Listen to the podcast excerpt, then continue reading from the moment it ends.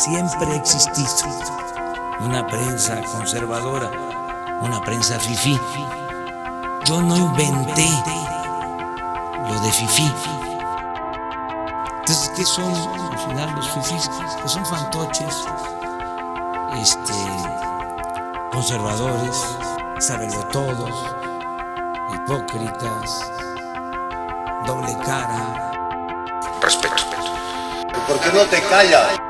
Ahorita lo arreglamos.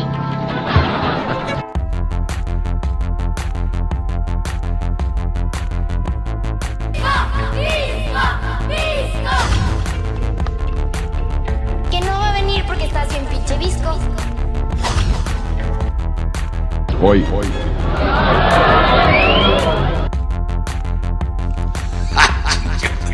Ahora sí me saliste más cabrón que bonito. Oh, ni madres. Aquí es la ley Herodes. O te chingas o te jodes. Convencido de que el multilateral, multilateral, multilateral, viejo pendejo. Más te vale que le pidas perdón a mi hijo si no te las vas a ver conmigo, cabrón. Perdóname, mijo. Sea pa. Tenga una buena, cálida y acogida recibida, eh, una acogida y sea bien recibido aquí en la región de los Tuxtlas. No, no fue albur, no sean así. No es este pinche mundo ni la voluntad de Dios. La bola de hijos de la chingada que lo manejan. El cabrón ese del licenciado Escurain. Y cae que es por su culpa que nomás no podemos salir del hoyo. Afortunadamente tiene México. Muchas gracias. Ya sé que no aplaudo.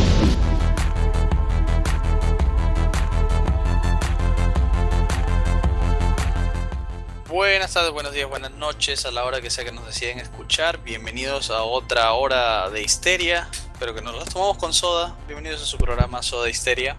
Eh, conmigo tengo al, al gran señor este, Ciudad Española, este, Mauricio Ciudad Española.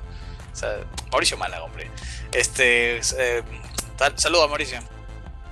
Bueno, ahora yo puedo ser Mauricio Málaga, Mauricio Cádiz, Mauricio Sevilla, Mauricio Tiene que ser del sur, no puede ser ciudades del norte, tiene que ser ciudades sureñas. Ah, Andaluz, por supuesto. Ole, Andaluz, ole, ole. Claro, Mo- Mora, ciudad- Sí, yo ciudades, tengo- ciudades moras como tú. Ustedes moriscas, así es como yo, que tengo la barba, la barba eh, rizada, ¿no? Al igual que tú, también tienes una barba así bastante. Yo, yo parezco Fidel Castro. Bueno, eh, Bueno, eso es demasiada información para nuestros oyentes, pero no, no, no, Sí, sí, saber sí, cómo sí. me va. No, sí. no, no es, no es bueno que un venezolano se esté identificando con, con Fidel Castro a estas alturas. Bueno, Fidel Castro era, era, era, era huemoso, hay que, hay, era- hay que admitirlo que se veía bien, bien testo- testosterono cuando era, cuando era joven y bien huemoso. Entonces, este programa se va a llamar eh, Los romances eh, te- em, Los romances hedonistas sodomíticos de Tercio. Ese va a ser el tema del día de hoy. ¿Que todos los episodios no se llaman así? Yo... que, que- que todo esto, todo este programa no es, no, todos los episodios no han sido sobre eso. En fin. Bueno, en fin, sí, ciertamente. En fin, ya, el anfitrión tercio, solamente estamos Mauricio y yo.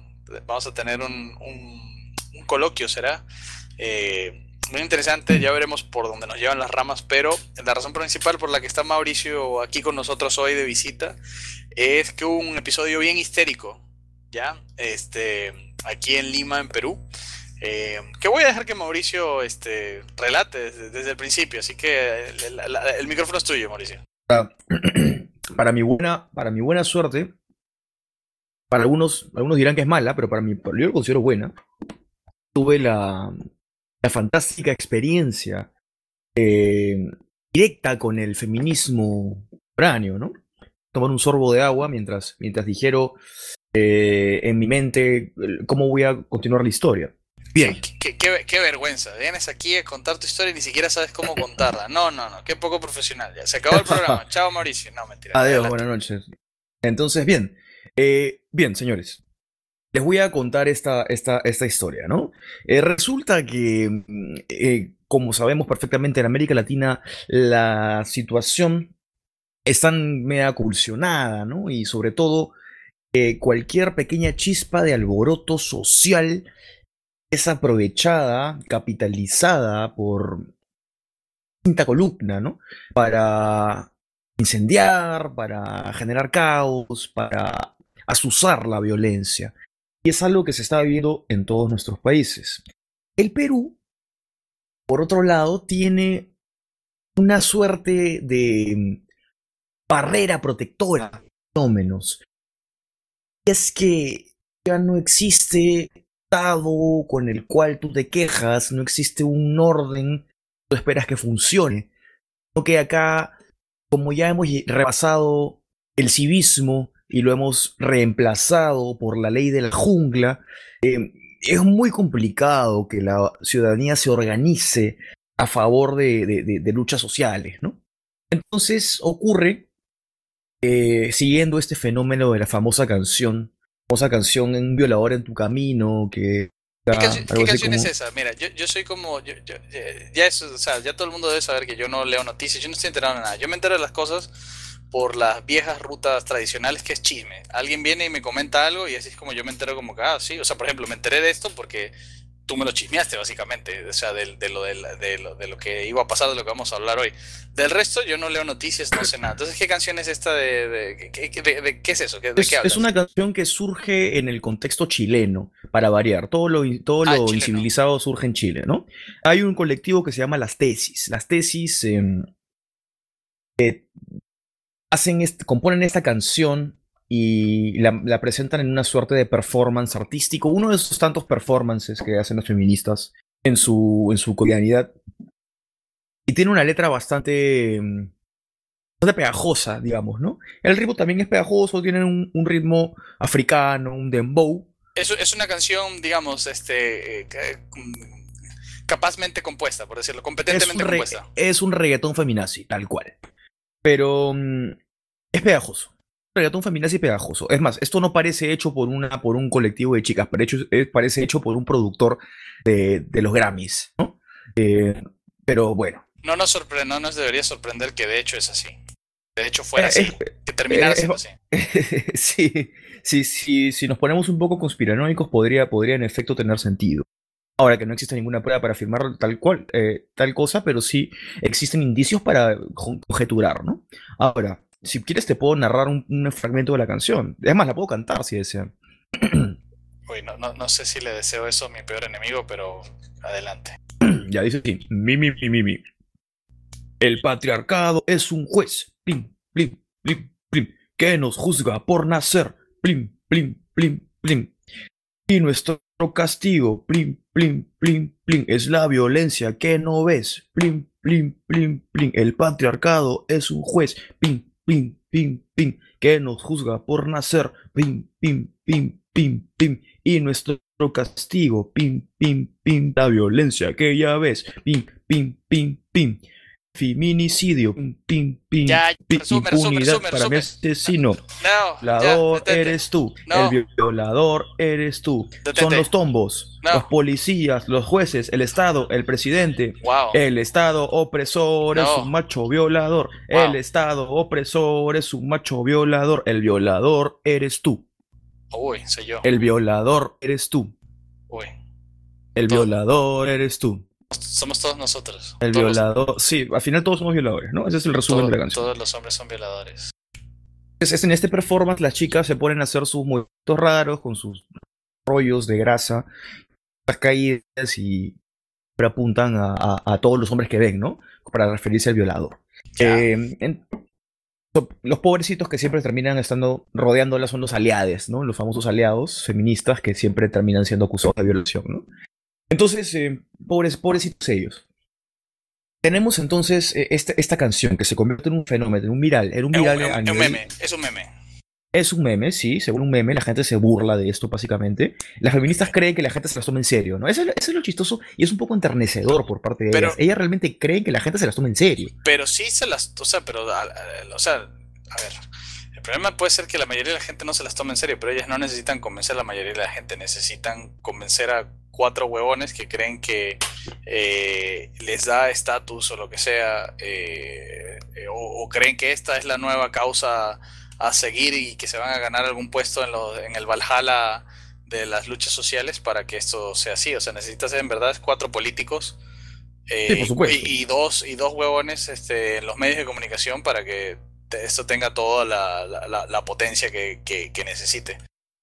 Bueno, ocurre entonces que esto se replica en México, se replica en Argentina, Chile, se replica en Ecuador, se replica en muchos países de América Hispánica. Y en el caso mexicano, esto vino acompañado de, de, de, de peleas, iglesias vandalizadas, estatuas destruidas, igual que en el Ecuador. O sea, incluso, pero, pero, incluso pero, llegó a... Espera, o sea, ellas lo que hacen es van y escogen un, un, objetivo, por decirlo así. Van a, por supuesto, nunca va a ser una mezquita ni una ni una sinagoga ni nada de eso. Este siempre va a ser algún tipo de iglesia. Y generalmente católica. el- católica. Me, eligen, imagino, me- me imagino que tampoco atacan los templos mormones ni los, ni los templos evangélicos. No, pues ciertamente. Ellos lo que hacen es elegir edificios de administración pública y, e iglesias, ¿no? Mm, Las universidades también que vayan. Eh, Ya. Naturalmente esas personas no saben discernir entre lo- un católico y un hereje, para comenzar.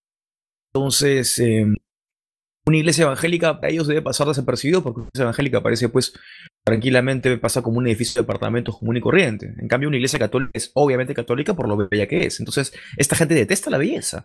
Claro. Obviamente, obviamente ven, ven una iglesia bella y se queman los ojos, pues, ¿no? Tienen que destruirla. Bueno, y más allá de, de, de- o sea, sí hay, sí hay algo de lo que dices, de que este, es como feo, o sea, no es estético, no, ellas no son estéticas, su, po- podrán tener una canción muy bien compuesta o lo que sea, pero, pero no, no es estético eh, verlas, o sea, no, no, no, es, no es algo bonito. Bueno, es que yo tampoco diría que es una canción bien compuesta. Te soy sincero, es un beat random de reggaetón, porque siempre que publican la canción tiene un beat distinto. Es un beat default de reggaetón, un beat típico de reggaetón, con una letra que te acabo de narrar, que es las mismas piezas que repiten toda la vida, pero al ritmo de este reggaetón, del dembow. Pero no y estas importa, chicas, se todo el mundo sabe que la Bueno, no, adelante, perdón, no quise Sí. interrumpir. Tal cual, esta, este- esta canción incluso llega a Turquía. Claro que en Turquía no tuvieron eh, el mismo recibimiento que, que tuvieron en América, pues, ¿no? Definitivamente Erdogan no, no comulga bastante con el, con el feminismo contemporáneo, ¿no? Bueno, que no nos sorprenda, creo yo. Vamos, que la, en Turquía las han, las han sacado a palazos de, de las plazas públicas. Por, por faltar, por acusar al Estado de, de- de- de ser violador, tal cual. Eso es un delito, básicamente, porque estás difamando al Estado, no estás difamando ni siquiera a un individuo. Claro, aparte de, difamar a policías, a individuos, a los hombres en general, estás difamando al Estado. Es un delito y en, y en Turquía eso es suficiente para meterte preso.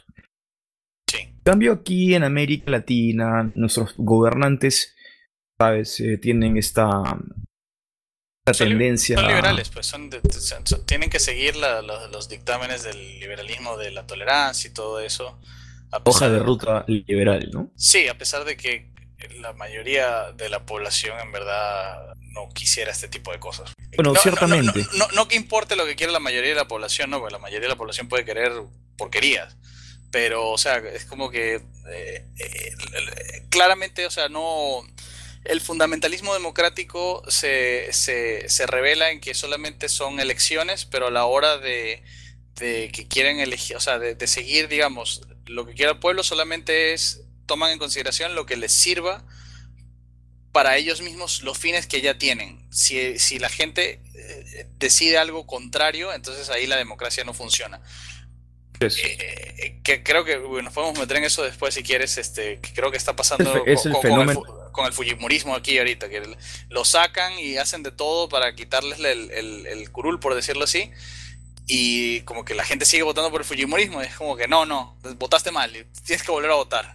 Sí, sí, sí, tal cual. Es como que justamente los medios de comunicación te ponen, eh, el fujimorismo está ganando, ¿qué hacemos para revertir esto? Es como que, oye, ¿por qué que- querrías revertir lo que el 90% de la población del país quiere? O sea, pucha, ¿qué te pasa? ¿Estás de acuerdo? Bueno, sí funciona el sistema eh, que tanto defiendes, ¿no? De que tanto te llenas la boca, porque esa gente todo el día habla sobre la defensa del orden democrático. Pero es un tema, es un tema aparte, pues, ¿no? del, que, del que voy a narrar ahora. Sí, sí, Entonces sí. estamos dentro del contexto, estamos dentro del contexto de esta canción, ¿no? De esta canción degenerada que ya, que ya he, que he cantado para contaminar los oídos de los oyentes. Y eh, se anuncia que en la ciudad de Lima va a haber un performance de estos, pero no en cualquier lugar de Lima, porque en Lima ya han habido, eh, hubieron un par previamente, en un par de plazas que- públicas que suelen ser tomadas por, los- por la izquierda, que son la Plaza San Martín y, el, y en frente al Palacio de Justicia, eh, donde le salen muy buenas fotos porque el palacio es un edificio muy simpático, muy bonito, muy grande. Está basado creo en un taco, si no me equivoco. Pero, obviando eso, esta vez iba a ser en el distrito de Miraflores, en la iglesia central, Flores. Y, y para, para el que no es peruano, para el que no, sabe de, de- de esto, a un resumen. Básicamente, la población de lo que solía ser Lima y las costas del país eh, y las provincias de la costa del país se ha, se ha reducido demográficamente y se han de alguna manera agrupado en la ciudad de Lima y en zonas muy específicas o en barrios muy específicos, si es que no se han ido del país. El resto de la ciudad y del país está vacío, básicamente. Eh, aunque el resto de Lima, eh, va a añadir, eh, está compuesto por eh, la mezcla o la suma de todas las otras provincias del país. Es decir, todo el país está en Lima y, de Lima ah, un 10% vive apretadito, los antiguos limeños y, la gente de provincia de las costas, y el resto del país, de la ciudad, de la ciudad está compuesta por gente de todo el país. Y el país en sí, el territorio está vacío, porque todo el mundo está aquí. Entonces, lo interesante de Miraflores es que Miraflores es uno de estos reductos eh, que, a- que, a- agrupa gente que tiene familias o apellidos con muchos años de- Bien, este... Lo que se da es que Miraflores tiene esta, esta, esta, gente, ¿no? Que, que se conoce por ser blanca, pituca, fresa le dicen en México, cuico le dicen en Chile, ¿no?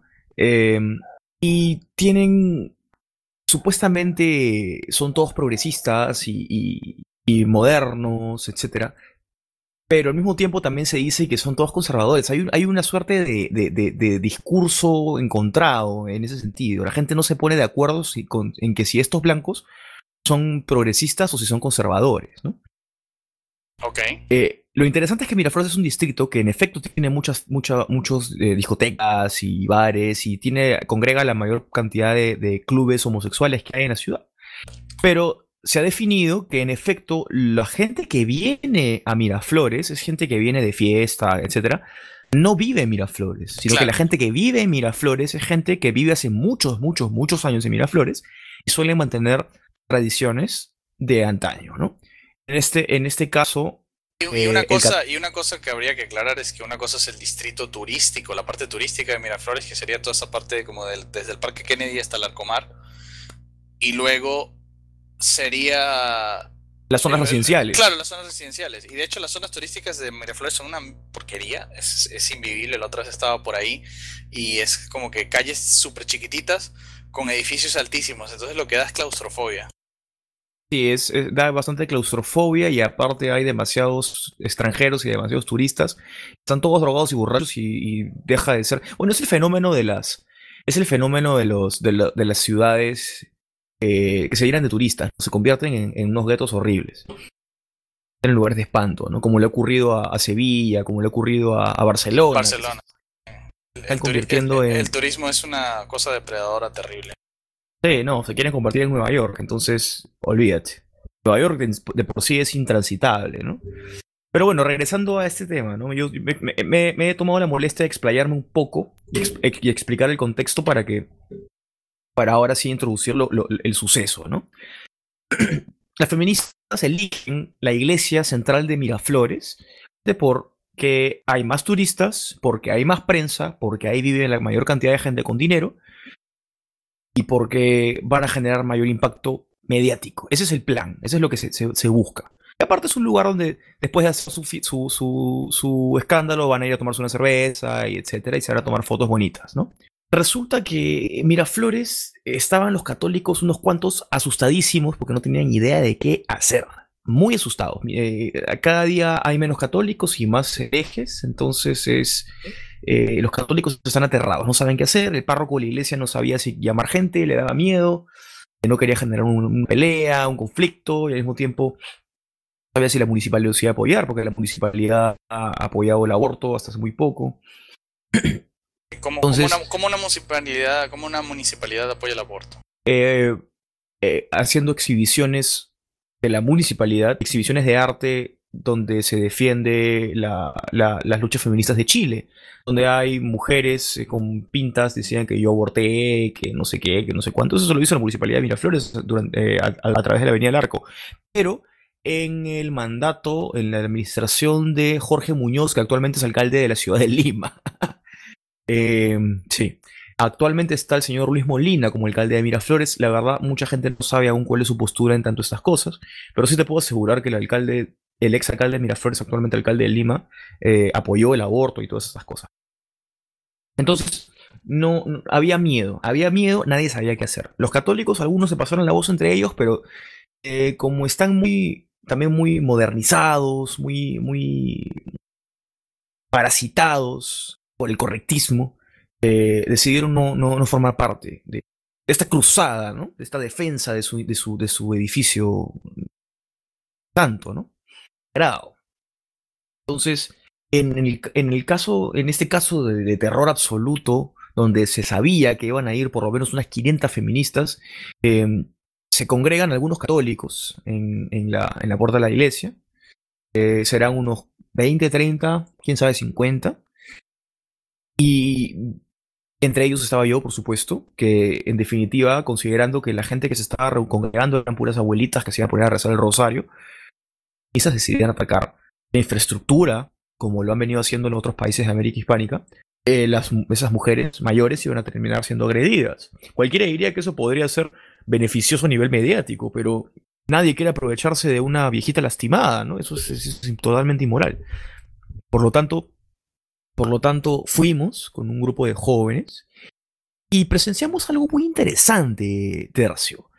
Que de manera espontánea y natural, los ciudadanos, los transeúntes, incluso los turistas, hicieron una suerte de escudo humano para proteger la iglesia ante eh, las feministas gritando y despotricando contra todo lo que podían y llamando violador a todo el mundo. Las feministas gritaban que iban a incendiar la iglesia. Eh, esto esto, esto no, es, no es una broma, eso es en serio.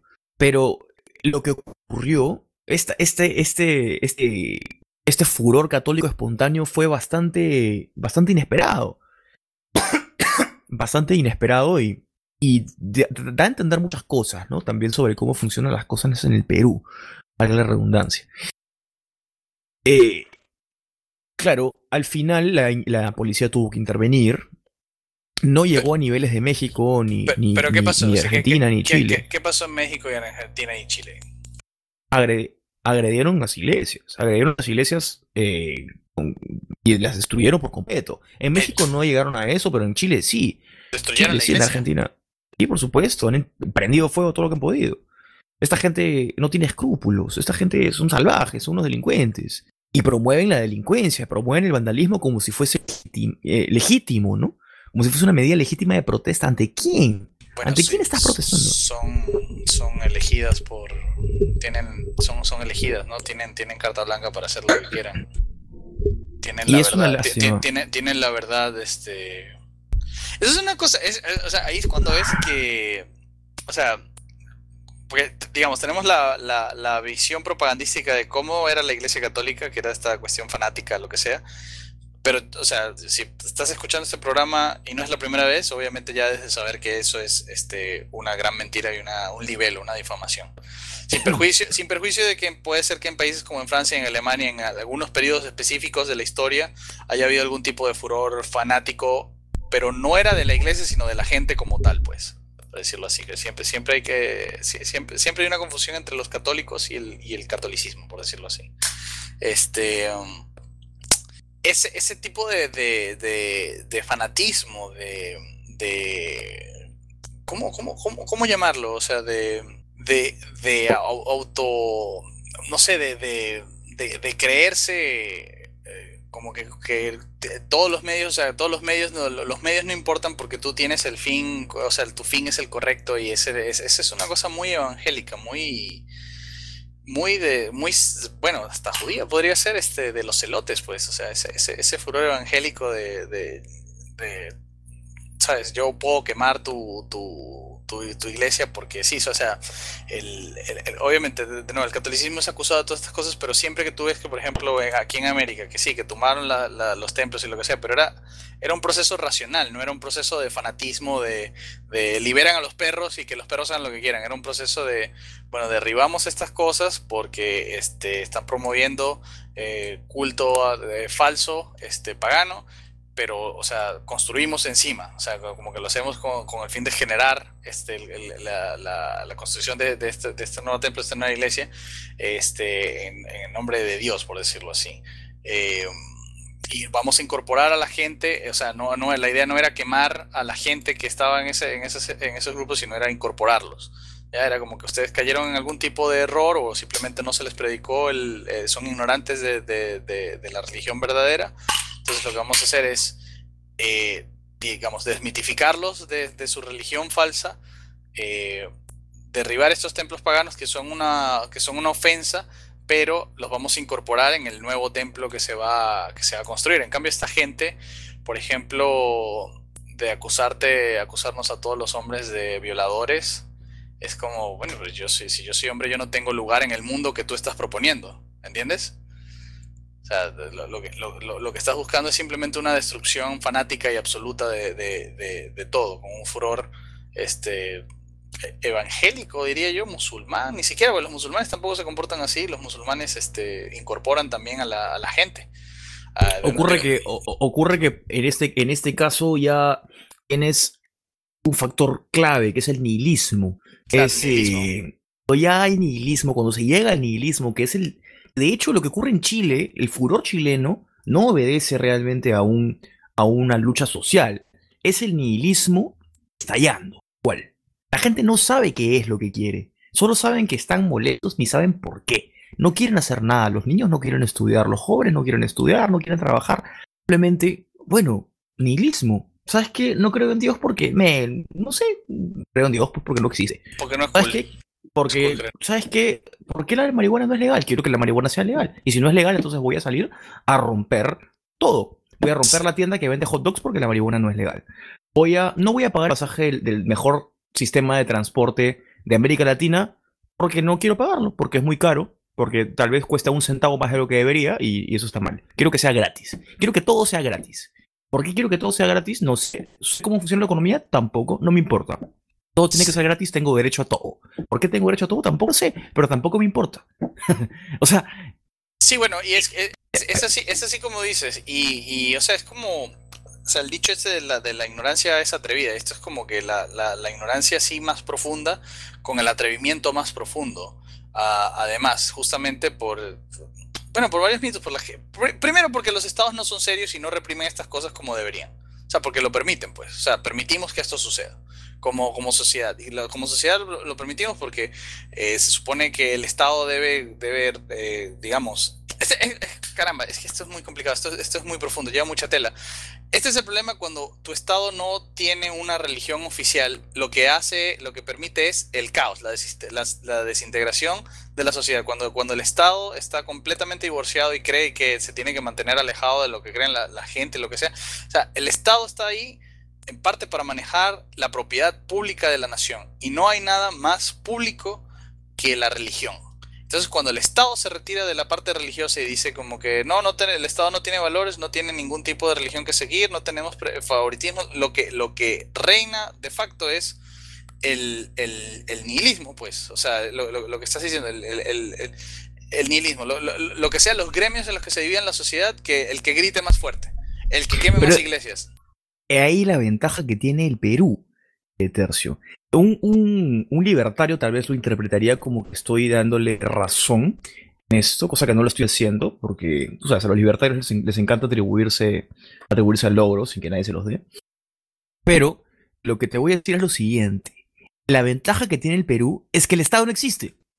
Eh, Claro, exacto, es, hermoso, es hermoso. Yo, yo lo sé, uno, uno- en Perú aquí la gente es, y lo veo, la gente es libre y la gente es gente de verdad. Y tendrán todos sus problemas que tú quieres, que el desorden, que es, qué sé yo, que la cochinada y todo eso, pero es gente de verdad que todavía piensa por sí misma, por decirlo así, o sea, con, con la, la filosofía espontánea que te genera el, el vivir ¿entiendes? Porque todo, todo el mundo hace filosofía, todo el mundo eh, piensa de cierta manera. O sea, no, no necesitas ir a ir a, a- a la, a la PECUP, a la católica o a Harvard, lo que sea, porque eso es, un, eso es un mito estúpido. Todo el mundo tiene filosofía espontánea.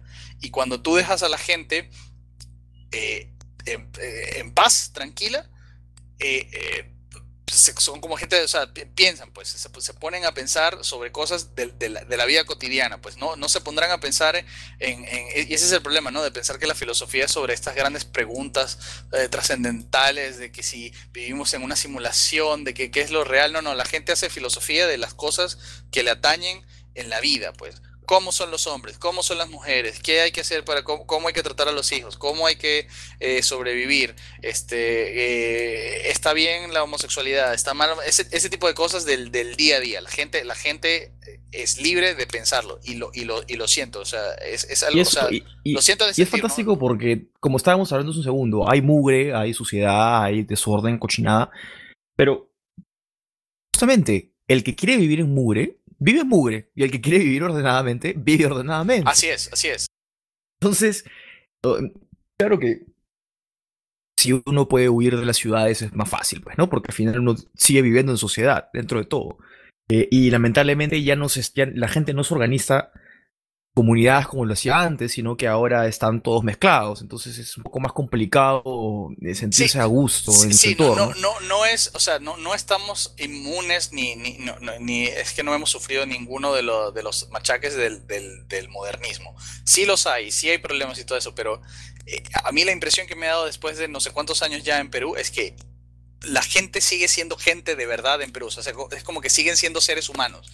No son ganado eh, como podrían serlo en Estados Unidos o no son estas bestias eh, salvajes, este, incivilizadas, este, lavadas de cerebro como podrían estar en Chile o hasta cierto grado Argentina. Este, Ciertamente. Ciertamente. Justamente por esto que eh, se dio en Miraflores, la gente de manera espontánea logró eh, no solamente erradicar la presencia feminista en, en el Parque Kennedy, sino que se quedaron rezando y gritando ¡Viva Cristo Rey! en pleno centro turístico de Miraflores, un grupo enorme de personas, y rezando y no sé qué otras cosas. Y fue bastante emotivo, ¿bien? Fue bastante emotivo. Estas eh, se pusieron a llorar, por supuesto, se tiraron al suelo, ¿qué, qué fue lo que pasó? ¿Qué- convulsionaron. ¿Qué, fue, qué fue lo que pasó? O sea, ya, ya, ya hemos hablado un poquito del contexto y de, de- de- de teoría por detrás, Bueno, pero, ella- eh, verdad, en- en el día del momento, o sea, ¿qué fue lo que sucedió? O sea, ellas pidieron permiso para hacer el famoso baile, el famoso performance en, frente a la iglesia de Miraflores. Pidieron permiso para hacerlo en la municipalidad y la municipalidad les dio unas cuantas horas para hacerlo. Entonces, eh, fueron a hacer su performance, lo hicieron, nadie los miró. La gente más le, hizo ruido y rezó el rosario frente a ellas y gritó Viva Cristo Rey durante todo ese tiempo, mientras ellas daban vergüenza. Eh, atacaron a la gente, hubieron algunas, algunas señoras ancianas que estaban rezando, rezando el rosario, etcétera, que fueron atacadas por feministas y por transexuales. También hubo un problema entre evangélicos y, feministas. Bueno, sabes que los evangélicos también son personas que no, no tienen mucho tino. Fueron a hacer su. y fueron a hacer política, no, no a hacer este. No a, no a defender la iglesia realmente, ¿no? Fueron a hacer política. Pero bueno, a los evangélicos porque fueron una minoría. Eh, el evangélico no congrega personas de manera espontánea como si lo hace el católico, me he dado cuenta. El evangélico tiene que eh, captar a gente de sus propias iglesias, que funcionan como, que funcionan como, como empresas inmobiliarias, como franquicias inmobiliarias, ¿no? Entonces, eh, las personas que asisten a las iglesias se convierten casi en los esclavos, en los, en los vasallos de los pastores. Sí, sí, este, una, nota, una pequeña nota sobre esto. Este, cuando se encuentren con un testigo de Jehová en la calle y, les haga, y le- el testigo de Jehová les está haciendo su pitch de ventas y les diga que, sabes, que las publicaciones son gratis y demás, o sea, como que el, material que le entregan a uno en la calle es gratis, es mentira, no es gratis. El, testigo de Jehová tiene que pagarlo. Y obviamente, y, o sea, e- es todo, es todo como, como muy especial en el sentido de que no es que la no es que el qué sé yo el, fajo de revistas tiene un coste un costo de qué sé yo 500 soles y el, y el, y Jehová lo tiene que pagar. Tiene que dar una contribución voluntaria entre comillas no pero el costo de los materiales los está pagando los mismos testigos de Jehová. Entonces cuando te dicen que son gratis no te están mintiendo porque el testigo de Jehová realmente piensa en su mente de que lo está dando gratis porque no se da cuenta que él es el que lo está pagando. Pero ese es el pequeño truco que la organización de los testigos de Jehová sí está mintiendo. O sea, la organización como tal sí, está, sí está mintiendo, está manipulando. Pero los testigos de Jehová individuales no. Pero esa es, una pequeña cosa. Los testigos de Jehová son... O sea, todos los evangélicos tienen que hacer todo. O sea, son, son los pequeños este, obreritos, esclavitos del, del, del, del pastor o de la organización. Eh, tal cual, tal cual. Buena acotación, eh, Tercio. Pero bueno, eh, y básicamente eh, les tiraron agua bendita a las feministas, ¿bien? Les tiraron agua bendita y por algún motivo que yo no comprendo, y de hecho está filmado en video, cuando les cae el agua bendita, se empiezan a asfixiar como si estuviesen respirando bomba lacrimógena. Empiezan a gritar y a, y a decir, ¿qué nos están tirando? ¡Me quemo! ¡Me quemo! O sea, y, y ellas no sabían que, que- que les están tirando agua bendita, simplemente pensaron que, algo que era algo que les había tirado la policía. ¿Qué pasa? Que cuando llegó la hora, Castlevania. Los, los cuando llegó- te- tiraban agua Tal- bendita, qué bueno. Tal cual. Cuando llegó la, o sea, cuando se cumplió el horario que tenían permitido para hacer su performance, la policía dijo, bueno, ok, ya les toca irse. Y ellas solitas se lanzaron encima de los escudos de la policía y los policías se quedaron parados mirándose entre ellos diciendo, ¿y estas chicas qué les pasa, no? o sea, se- ellas se lanzaron hacia los escudos de la policía y empezaron a gritar como si los policías les estuviesen agrediendo a ellas. Claro. A los, po- los policías peruanos son probablemente los individuos más despistados del universo, habido y por haber. Entonces, para ellos lo que estaba ocurriendo ya era pues algo de lo que reírse, algo de lo que llegar a casa y, y contarlo a su mujer y a su hijo y reírse un rato en, en la cena, pues, ¿no? Porque son personas de verdad. Personas normales, naturalmente. Personas normales, a veces un poco inmorales, quién sabe, pero, pero definitivamente pues no, no, no de la clase de personas que uno encuentra en, en Chile, por ejemplo, pues no que ya rebasaron lo... Y, y antes, antes de que piensen que estamos difamando Chile sin, sin razón, tú has vivido en Chile y tú recientemente y tú viví, tú viste la de Macre. Sí, era invivible, o sea, aquí el Perú, yo siempre, las primeras veces que yo fui a Chile dije, ah, esto es, muy, maravilloso, es un país del primer mundo. Y a medida que iba regresando, eso se iba convirtiendo pues en, en Ruanda, pues, ¿no?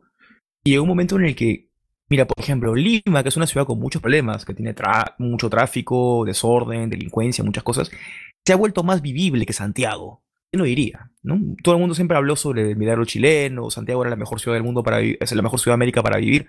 Bueno, ya no es así. Yo en lo, en lo- te puedo asegurar, después de haber estado en Bogotá, después de haber en Santiago, de haber estado en Quito, que es una ciudad maravillosa, de haber estado en Cartagena, y etcétera, estoy muy a gusto en Lima, me siento feliz de estar viviendo en Lima, no tienes idea de lo contento que estoy de estar en Lima y agradecido de estar en Lima.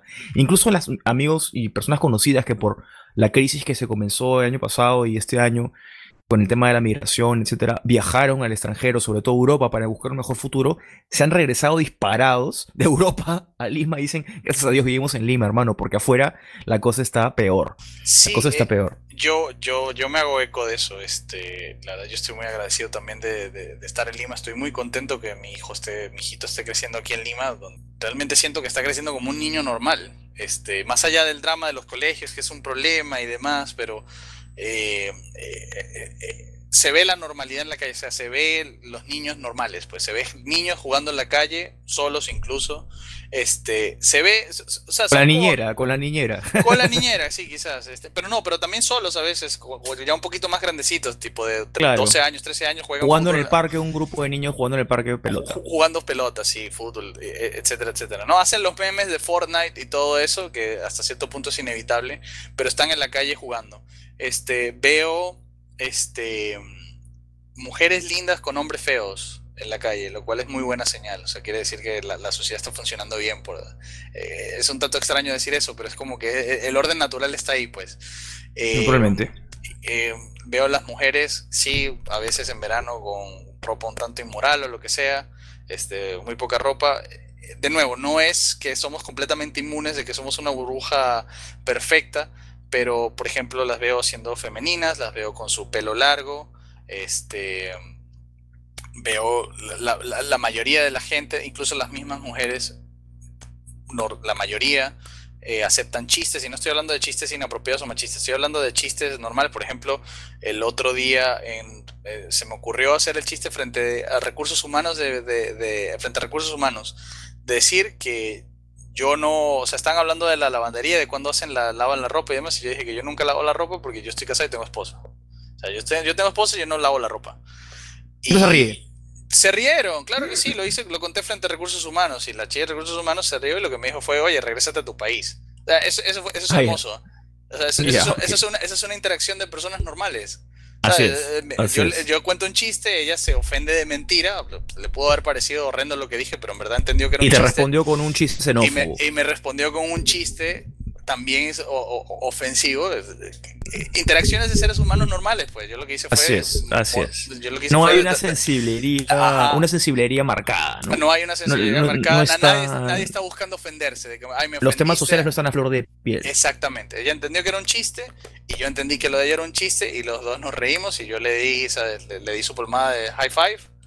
Este, que, que le- que muy buena respuesta y, y ya. E- ese tipo de cosas. Este, también, eh, este, incluso las chicas del trabajo, este, eh, sí tienen el problema de, que- digamos, eh, han caído en la trampa de lo de la carrera y demás y de que no están siendo madres, pero, pero de nuevo, también les puedes puedes contar chistes, pues, este, eh, o sea, no, no, no son como que verdaderas creyentes de que se han tragado todo el evangelio, se han tragado en parte que también por, digamos, presión social de que también los padres, la generación anterior, se, se tragó el tema de como que tienes que ir a la universidad, mi hija, y tienes que trabajar, entonces tienen todo eso, pero ah, todo como muy de persona real, no es estas caricaturas que, que, que uno ve en internet de, gente completamente alienada, como con falsa, no sé, falsa conciencia, no sé cómo, no sé cómo escribirlo, o sea, personas que no son de verdad, que no, que no son seres humanos de verdad, que tienen interacciones con seres humanos de verdad, que entienden que hay cosas que son chistes, que entienden que eh, no todo el mundo piensa como, como ellos deben pensar, etcétera, etcétera, ¿no? Entonces yo también, yo también muy contento de estar aquí en Lima. Entonces, invito a todos los oyentes de... No, no vengan a Lima, De quédense, soda- quédense, quédense en sus mierdas, no queremos que vengan acá y contaminen, y con- contaminen con sus cochinadas. Aquí, aquí estamos muy bien, gracias. Yo creo que el futuro inevitable, de todas maneras, es el que yo mencioné la, la- la última vez que estuve en este programa, ¿no? Que eh, este, este, este, esto va a evolucionar a que la gente se va a reunir en comunidades, a- en comunidades eventualmente, ¿no? En base a cómo se identifican los unos con los otros, creo yo. Y me parece que si lo hacen en base a una suerte de nacionalismo cívico, digamos, odio usar la palabra nacionalismo, pero no se me ocurre otra en este mismo instante, eh, no sería tan negativo, ¿no? Mientras el civismo sea lo principal, el principal criterio para discernir entre, entre, entre, unos y los, entre los unos y los otros, ¿no? Me dejo entender. Sí, sí, sí, sí, sí, sí, sí te entiendo. Entonces, este, nada, Perú, Perú defensor del catolicismo y la hispanidad, el, el- el último bastión del, de- de- del catolicismo y la hispanidad está aquí, De- de, aquí, hecho- resurgirá la reconquista. De hecho, en, de hecho, en, en- en la península ibérica, en la época de la independencia de América, eh, se anunciaba que el ejército del Perú y los ciudadanos del Perú eran mucho más realistas que los españoles peninsulares, ¿no? y, que, y que tenían que aprender a ser, a ser tan hispanistas como los peruanos. Es algo que está, está grabado en, en- en texto y que en algún momento yo te, lo podría pasar, creo que está en Españoles de Cuba. Es una publicación que hace todos los. que tiene todos los días se publica desde Sevilla, si no me equivoco, en, en la península. De tu ciudad, De mi ciudad de Sevilla, hombre, olé. sí, Olé. y los toros. Y los toros, y los toros. Anda. Ya, ya, hombre, pero es que, el- es que Andalucía vota por el PSOE, hombre. Y eso, Pero es eso que- es, que, es que no puede ser.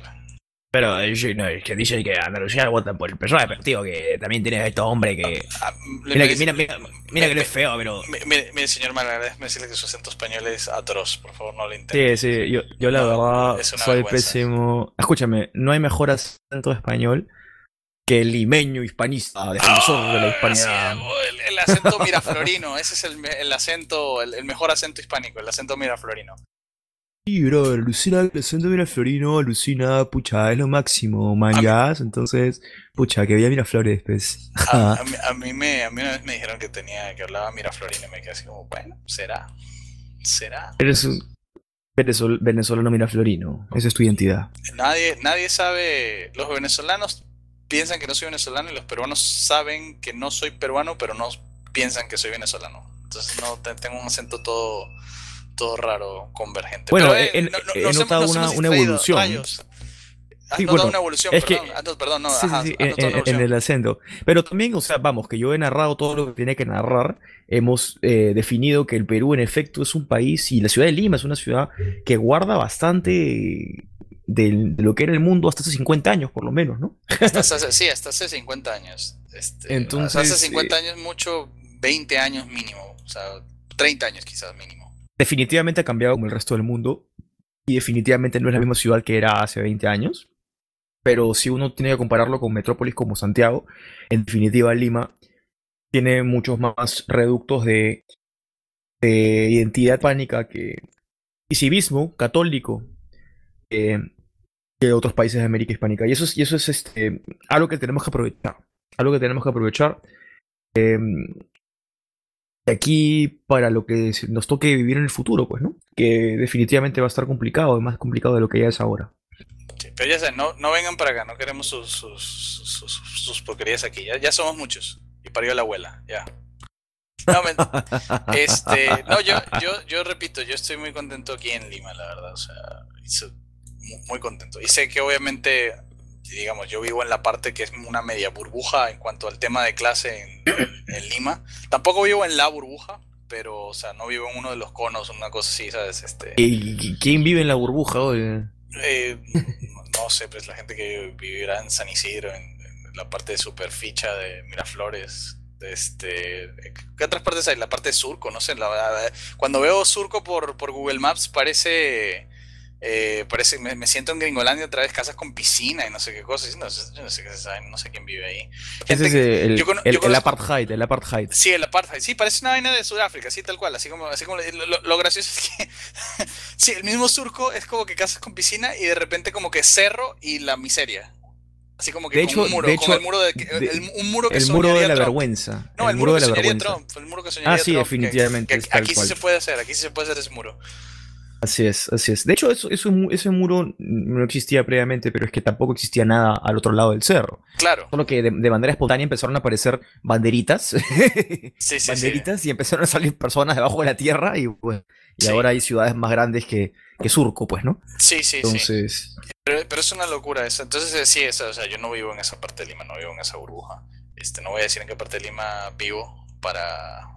para que no te manden a matar. Sí, para que no me manden a matar. Este, pero ya saben, no vivo en Surco. Por lo menos ahí. Este, O, ¿Qué? o tal vez sí. o tal vez sí, quién sabe. Quizás, quizás, qui- qui- quizás este, lo- sé, sé cómo es Surco con lo de las casas de las piscinas, porque quizás sí vivo ahí. Porque quizás estás echado en este momento en tu piscina, Quizás tomándote, estoy- un, tomándote un Eso, Bloody eso- Mary. eh, no, eso sí, eso sí te digo que no. No estoy echado en ninguna piscina en este momento.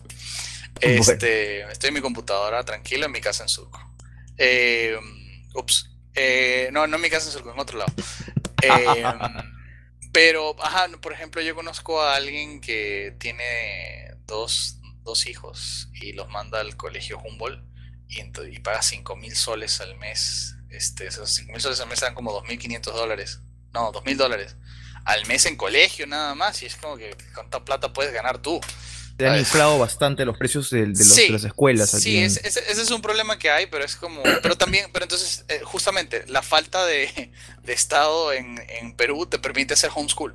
Entonces es como que ahí mismo tienes la solución. Ah, sí, hay una burbuja este, de precios de educación, pero hay huecos este, legislativos que te permiten hacer homeschool.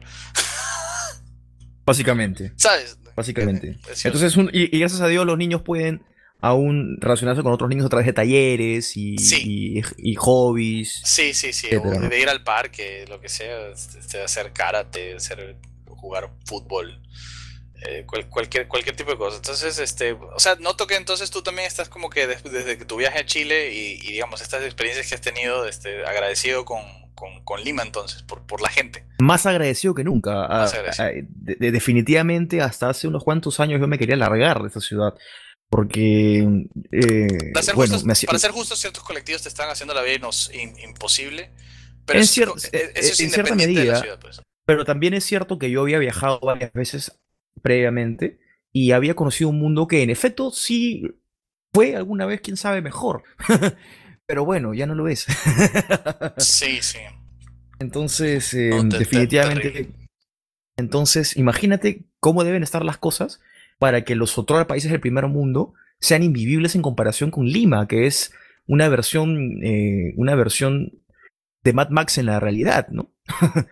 Entonces, es más divertido y, y- y uno se siente mejor sabiendo que, pucha, a lo- en Mad Max puedes estar con tu carro y con tus metralletas, Claro.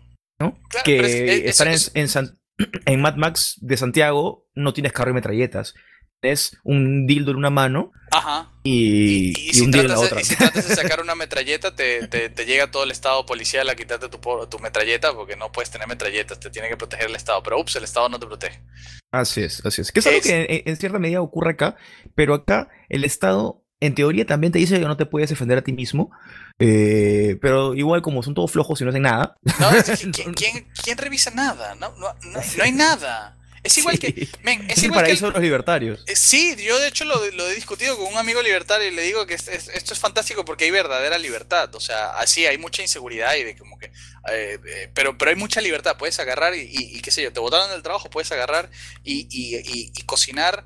Eh, men, puedes hacer sándwiches y sales a la calle y los vendes. Y nadie te va a venir y decir, señor, ¿dónde está su permiso de sanidad para vender esos sándwiches? Como que nadie te va a joder, nadie te va a joder. Vendes tus Así sándwiches. es, tal cual. Así es. así Y, no es porque esté y no es porque esté permitido, es porque a nadie le importa.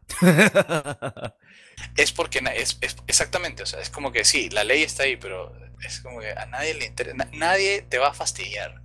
Y si te van a fastidiar es como que le pagas para los refrescos y se acabó. Es igual, Sí, mira, es- es- Todo el mundo ah, vive, todo, todo- el mundo ya no vive en, en sociedad, viven para, para su casa, para su familia, para uno mismo. es es, como, como en teoría es lo racional. funciona la humanidad, pues, ¿no? Claro, es, es lo racional, o sea, si, si no hay, digamos, este, realmente un sentido propio de comunidad en, en- en, eh, para, para afuera, pues entonces, ¿para qué te vas a estar preocupando tú por huevadas? ¿Entiendes? ¿Entiendes? Este, ahora, eh, es como, es como el tema este de lo de la informalidad. Es que, y claro, el gobierno hace campañas contra la informalidad y que no sé qué cosa, y, y- y- a cada rato te echan el cuento de que qué problema es la informalidad. Y la informalidad es la libertad, es, es- es- es el hecho de que la gente hace su dinero y, y no, no le está rindiendo cuentas a nadie, ningún gobierno de mierda, que para que te roben los impuestos y se los den a los políticos y se lo queden los bancos. Entonces, o sea, lo de la informalidad es una trampa de los bancos para ellos tener más plata y más, o sea, para que tengas que pasar por ellos siempre. ¿Entiendes? Siempre por los bancos. Y para el gobierno, para también, para que, para que te tengan cuadradito, para que te tengan cuadradito de, ajá, tal persona gana tanto. No, viva la informalidad, viva la gente que, que sale a, o sea, viva la informalidad sin, sin el caos, por decirlo así, o sea, porque si las calles estuvieran llenas de tugures, una cosa así, todas las calles sería un problema, pero si tú vas al, al, a la parte de la ciudad que es para eso, vaya y pase, ¿entiendes? O sea, como que yo sé que yo estoy yendo a Bancay a, a la mierda. ¿Entiendes? Básicamente. Pero, eh, pero, pero, pero está bien que eso esté así. Está bien que eso esté así. Esa parte está así. El mercado es allá, el, el- el desmadre es allá y, y ya está. Y la gente del resto, informalidad. No me importa. Que la gente tenga sus, sus, sus negocios familiares. Esa es otra cosa. Cuando la gente tiene sus negocios familiares, sus propios negocios y así sean informales o lo que sea, genera este, independencia. Eh, eh, la gente es independiente. No, te- no generas esta mentalidad de, de esclavo, de empleado, de tengo que ir a la universidad para ser este esclavo de una empresa porque las corporaciones este son el, el- el- futuro, lo que sea. Y Esta voy a viajar, voy a vivir en Silicon Valley cuando Voy tenga vivir 30 en, años. sí, voy a vivir en Silicon, voy a ser empleado. tengo- esa, esa mentalidad de, de- de porquería que lo que hace es este, hacer que uno se venda como esclavo a, a las demás. O sea, es un engaño, un gran engaño de las corporaciones. Es, eh, eh, eh, y, sinceramente, bueno, ya, ya, ya esta es otra diatriba que tiene, bueno, quizás está relacionado con el tema del feminismo, el, el engaño de las mujeres de, de, de cómo las engañan a- a- haciéndolas pensar que trabajar es algo chévere cuando trabajar es una basura. Ten- o sea, trabajar en el sentido de trabajar para una, para una empresa. Y, y puedes trabajar en una muy buena empresa, lo que tú quieras, pero el hecho de tener que estar dedicándole ocho horas mínimo, porque es mínimo, en verdad son más de ocho horas. Pero no solamente día. es eso, sino que uno, a ver, tienes que pagar los estudios. Si tus padres no te pagan los estudios, básicamente ya perdiste desde un principio. comenzar, comenzar, comenzar, comenzando por ahí. Si padres, si tus padres no te pueden pagar los estudios universitarios, ya perdiste. Para comenzar. Segundo, ¿por qué tú eh, en, cier- en, cierto, en cierto momento de tu carrera, de por sí llevar una carrera ya es difícil? Sí. Muchos jóvenes que, que- que tienen una carrera que la pagan sus padres igual la sufren. Sí. Tienen que, tienen que estudiar. No, y es una, y, y yo te digo una cosa, es una pérdida de tiempo. La universidad no enseña nada. Todo se aprende en el trabajo. Todo lo aprendes Entonces- en el trabajo.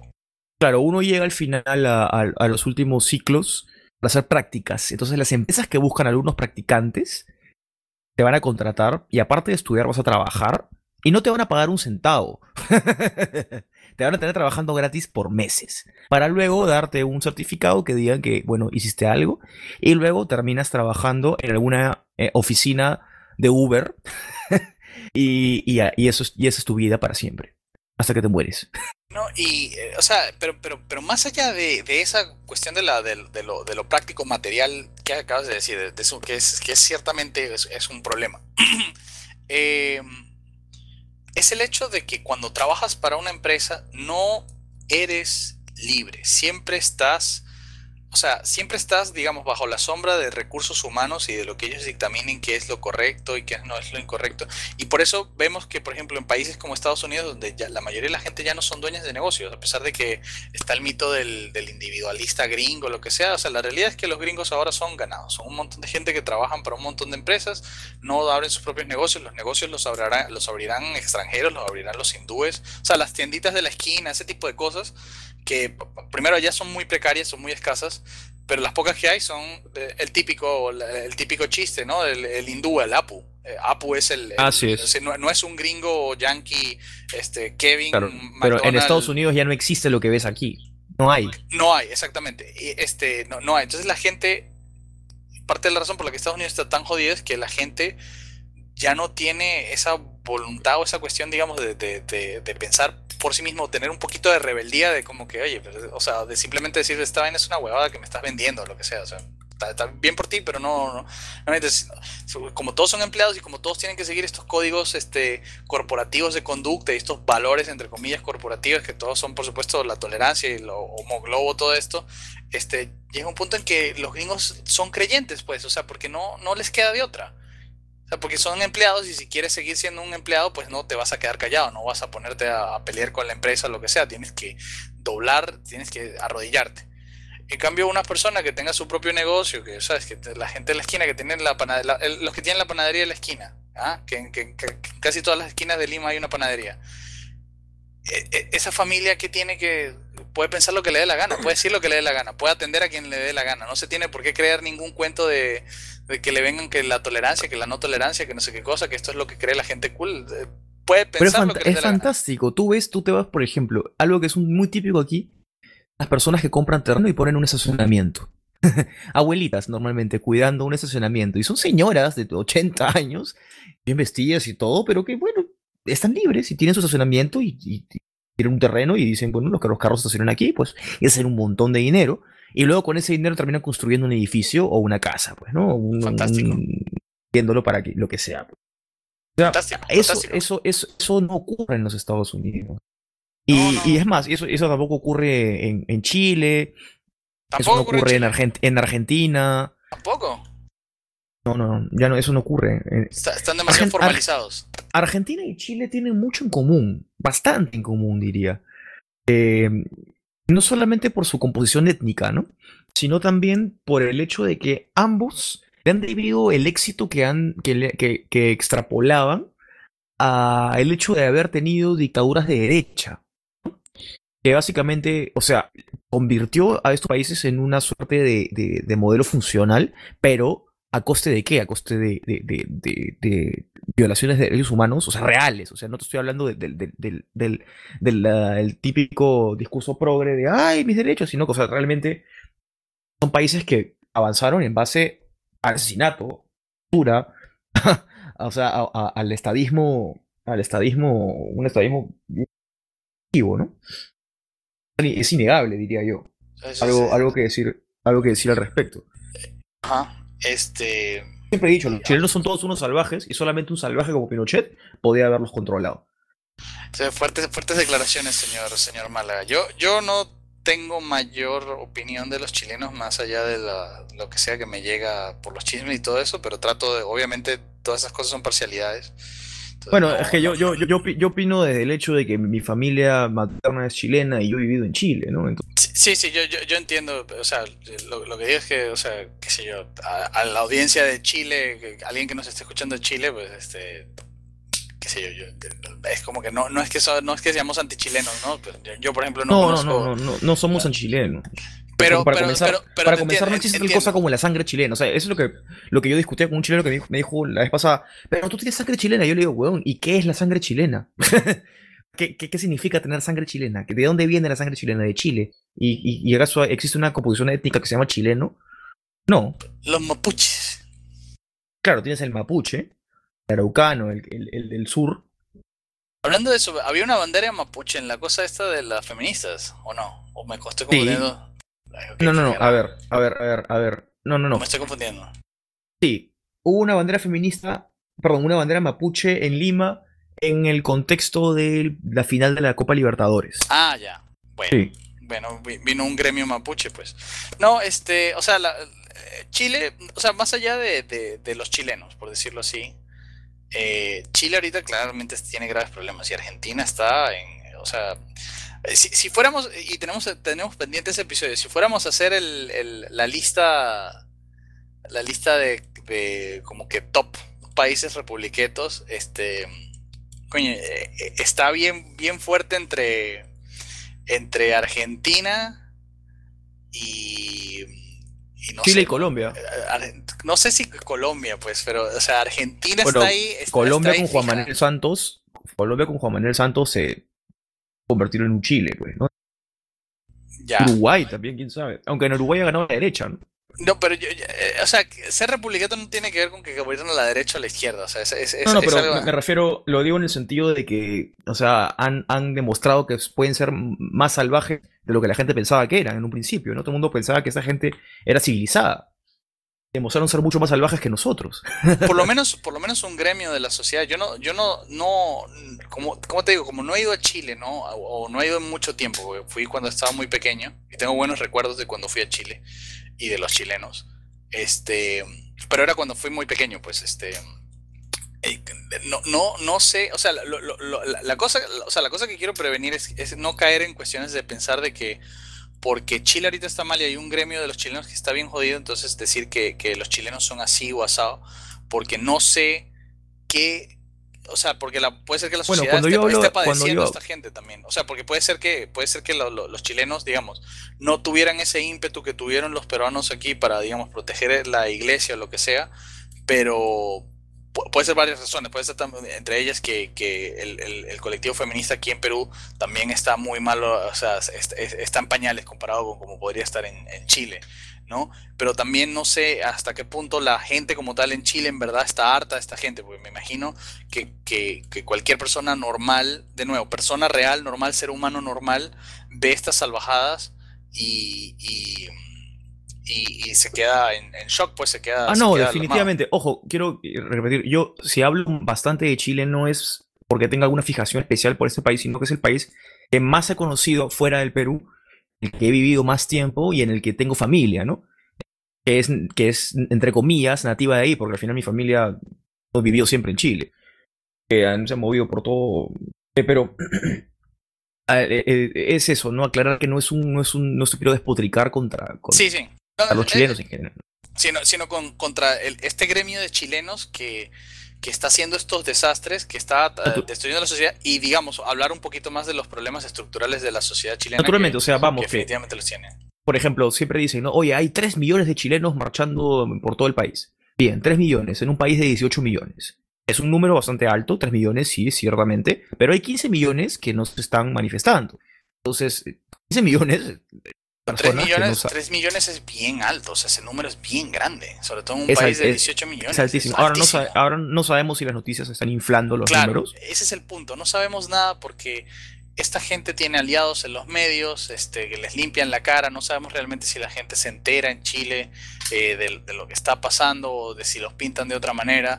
Este, porque yo te he puesto, yo no sé, y tú quizás podamos, o sea, me, puedes decir ahorita, este, yo no sé cómo los medios en Perú han cubierto lo que pasó en Miraflores. O sea, no sé nada. O sea, yo- cu- cu- cuando, y, querida audiencia, cuando ustedes entran a un programa aquí, yo soy como que el- el- el- la guía en el sentido de que yo estoy con ustedes. No sé, no sé de qué vamos a hablar, no sé qué está pasando y las preguntas las hago mientras, mientras voy.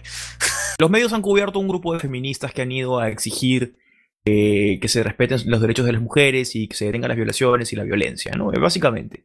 y que un grupo de fanáticos católicos estuvo gritándoles tonterías y que quisieron impedir que se manifiesten. Ese, ese fue el discurso. Esa fue la narrativa de los medios de comunicación. Cuando yo les estoy afirmando que esas personas fueron a atacar a un templo católico. Es que, es que sí, no tiene sentido. O sea, que no tiene sentido que señalen una iglesia más que por, por, por estupidez, pues, por, por ignorancia, idiota. del- o sea, la gente es súper ignorante. Esta gente es súper ignorante. Pero es súper, o sea, es súper agresiva en su ignorancia. Eh, eh, y están tan seguras de, de- de- y seguros de, de las estupideces que creen que, es- o sea, es muy, o sea, no, no, no, no es una cuestión de debate, o sea, no no no es, no hay posible reconciliación, digo yo, me parece a mí, este, por diálogo, por algo así de como, No, que, es, que- bueno, es que, es que es el civismo contra la barbarie, punto. Claro, y ahí no, hay es co- no existe, el- no existe ninguna suerte de reconciliación. Es eso, es, es- es- es eso que has dado en el clavo. Es como que tienes una invasión así de bárbaros que no, no, no, no están buscando dialogar, no están buscando entender nada. no- o sea, es, es una. es- están buscando conquistar. Básicamente. Están buscando Entonces, conquistar. Eso, eso es no van, no, ellos no van a dialogar contigo. Ellos no van a dialogar contigo. Van No, a utilizar todos los mecanismos que puedan para, para, para decir que sí lo quieren hacer, pero no lo quieren hacer. No, y, y es, es- es exactamente eso. Incluso cuando yo he hablado con, digamos, este, este tipo de gente LGBT moderada, entre comillas, eh, igual el, el- o sea, la, la- la corriente eh, ulterior, por decirlo así, que, que- que va con ellos, es, eh, tiene este, igual este maniqueísmo, así de como que, eh, eh, o sea, de que realmente piensan que la gente que se opone a la agenda gay es como que porque los quiere eh, ahorcar o lo que sea, o los quiere, los quiere quemar vivos y, y- y que entonces eso, o sea, no tienen derecho, o sea, eh, eh, ellos sí tienen derecho a expresarse, pero los demás no tienen derecho a expresar una contraopinión porque entonces eso es odio, es un crimen de odio. Entonces el odio, o Es sea, que, no es se, que ya no ni siquiera es una contraopinión. El resto se está defendiendo. ¿Qué, qué Sí, es? O sí. sea, hemos llegado a eso. Sí, o sea, el resto no se puede defender porque entonces es odio. Entonces, como que tú no, tú simplemente no puedes odiar. O sea, lo- el odio es ilegal ahora. O sea, como que tú no puedes odiar nada. Eh, Básicamente. Pero obviamente todos sabemos que es manipulación porque sí se puede odiar libremente lo que tú quieres. Se puede odiar a los hombres, se puede odiar a los blancos, se puede odiar a los españoles, se puede odiar a, a- al matrimonio, se puede odiar al patriarcado, lo que tú quieras. Lo que no puedes es odiar a las, a las otras, a, los colectivos Y, aprobados, si- y a los gremios y ni aprobados. siquiera odiar, simplemente no estar de acuerdo. Esa es la otra cosa, por supuesto. O sea, el, el odiar o lo que sea es simplemente no estar de acuerdo. O sea, tú puedes decir, mira, a mí me da igual este, lo que, Lo que tú hagas, lo que pero no lo hagas pero- en la puerta de mi casa. Claro, no, no lo hagas un tema público. No, no vayas a mi templo católico donde voy a rezar y no te hago nada ahí y le prendas fuego. O Claro le que- pintes un pene, o una vagina, o unas tetas. Claro, ese, ese es el, ese es el otro tema, ¿no? De, de, de cómo han manipulado todo, o sea, cómo ha sido todo un jiu-jitsu súper, la verdad, casi admirable, ¿no? O sea, sa- satánico, definitivamente. Este, Definitivamente. este, o sea, ese, ese tipo de triquiñuelas son satánicas. Este, la manipulación de, por ejemplo, de cómo la religión la han removido de la esfera pública y te dicen que no, que no, O sea, ellos te dicen a ti, no, si tú puedes creer lo que tú quieras sobre los gays o sobre la mujer o lo que tú quieras, eh, porque tu religión lo dicta, pero esa es tu religión y eso es en privado, ¿no? Cuando en verdad la religión es lo más público que hay. Este, entonces te dicen como que tú te tienes que guardar tus opiniones en privado, pero ellos sí pueden traer sus consignas políticas y hasta teológicas, religiosas, lo que tú quieras, al a público. Eh, eh, eso, sí- eso sí es, es, es público, eso no es privado. O sea, yo no puedo, o sea, pa- para ser así, para ser así bien craso, yo no puedo, el argumento nunca puede ser que, bueno, tú eres gay, entonces regrésate al closet, sé gay en privado, porque no, ser gay es una cosa pública, pero ser católico, ser evangélico, ser cristiano, Eso sí Eh, tiene que ser. eso sí es privado. Tienes eso que, es- tienes eso- que eso sí. tenerlo en el closet. Eso sí, eso sí, tú tienes que ser católico del closet. Tú no- y es, esa, esa es la, la, la, la inversión. Es- es- eso es lo que es. Es como que ser, tú tienes que ser católico cristiano del closet. Tú puedes tener, tú puedes pensar lo que tú quieras sobre la moralidad, hacer lo que tú quieras, pero no en la esfera pública. No puedes contaminar el discurso público con tu discurso de odio este, religioso. ¿Ok? Pero sí tienes- Inquisidor medieval. Sí, sí, inquisidor medieval. Pero, o sea, pero sí te dejamos la libertad de que seas católico y todo eso, pero no en público.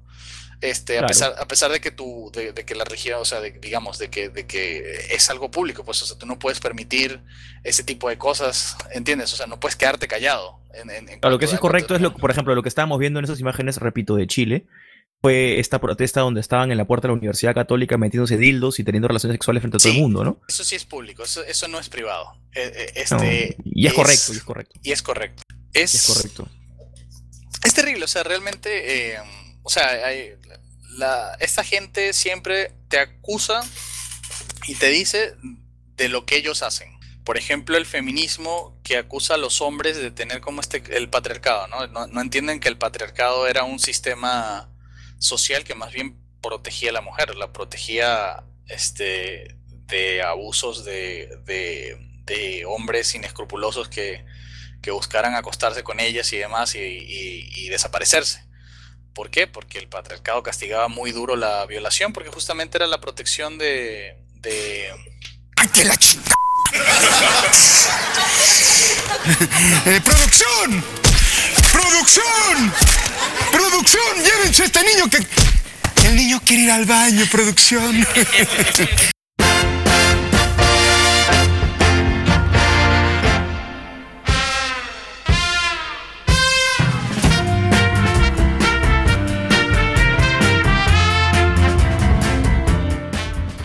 bueno, estamos de vuelta después de una pequeña dificultad eh, técnica, este, que no mencionaremos, pero una dificultad técnica, ahora estamos de vuelta. Este, Me fue a claro, cagar. No, no, hay que editar eso. No, bueno, tú quieras. Este, bueno, eh, a mí se me olvidó por completo este, dónde habíamos quedado y probablemente era una diatriba de las por las que soy famoso. Así que por mí, este, Mauricio, ya hemos grabado una hora, una hora y media de programa. Y bueno, dicho sea de paso, hemos conversado cosas muy interesantes. Sí, sí. Para Entonces, variar. no sé si ya se, se te queda algo en el tintero, pero por mí podemos decir calabaza, calabaza. Así es, eh, agradecer nomás a la audiencia y agradecerte a ti, Tercio, por, por recibirme. Eh, les cuento, yo alguna vez iba a ser parte de este proyecto como, como, como anfitrión, ¿no? Pero lamentablemente, pues, eh, Te, te dio sida por ser gay. me, me dio sida por ser gay y por vivir en Chile. Entonces, Por vivir en- Sí. Ah, sí, literalmente, eso fue lo que pasó. claro, Te yo estaba te, te viviendo dio, en te Chile. dio sida necrótico por vivir en Chile. Eso fue lo que pasó, claro que sí. Eso fue exactamente lo que ocurrió. Puesto que yo me sumé a este proyecto estando en Chile. Eh, pero bueno, veamos Bueno, que ahora, ahora eres no- solo un, ahora eres solo un invitadillo más, ya no eres anfitrión. Pero- No, tiene- no tienes alto estatus como yo, eres un invitadillo. Y eh, quiero pedir disculpas por si en algún momento te falta respeto como, como vasallo, porque tú eres mi, mi feudo. Así es. Eh, y nada, eh, muy agradecido de poder expresarme, de- por la oportunidad también. Eh, pueden siempre verme en Radio Miraflores en Perú. Yo estoy pronto lanzando un videoblog nuevo, por si acaso. Porque si, está- si se dan cuenta, mi voz no suena tan mal, de hecho suena bastante bien, porque me he comprado un micrófono condensador, me he comprado una computadora, tengo muchas cosas, muchas herramientas para poder lanzar un montón de productos pronto, entre reviews de discos de música hasta eh, blogs de narrando noticias, etcétera, ¿no? Que ya pronto habrán noticias al respecto. Pueden seguir mi fanpage en Facebook, estoy como Luis Mauricio Málaga Fuenzalida. Eh, me van a ver muy fácilmente, hay una bandera de la Cruz de Borgoña gigante. Eh, pronto habrán colaboraciones también con Patricio Lonzi y con Fabriz- Francisco Núñez del Arco. Así que ya hay novedades eh, pronto. Qué, qué vergüenza que tengas que, que vender tus productos aquí así. Qué Sí, sí, sí, me, me da disculpa, pero también eh, compren Adidas. Adidas y, y New, usen New Balance. New Balance es la New marca. Balance. Ah, los zapatos de Trump. Los zapatos que yo tengo puestos ahorita son New Balance. New Balance me viste. Y Timberland es la marca de billetera que utilizo. Y uso relojes Invicta, por si acaso. Compren ¿Habrá- todas esas marcas. ¿cuál, cuál será la, la penalidad de pretender que uno está patrocinado por una marca como para hacer quedar a la marca mal? Me pregunto si habrá algún tipo, debe haber algún, algún tipo de, de- de- de repercusión legal al respecto, pero no, no se me ocurre ahorita. Bueno, las empresas que a mí me, me auspician en la radio eh, no lo hacen a través de mi programa, lo hacen a través de otros. Entonces, Bueno, no sé, se no, sé si, no sé- no sé si quieras decir eso, pero bueno. No, sí, es. Vamos, que igual le estoy manteniendo el secreto, ¿no?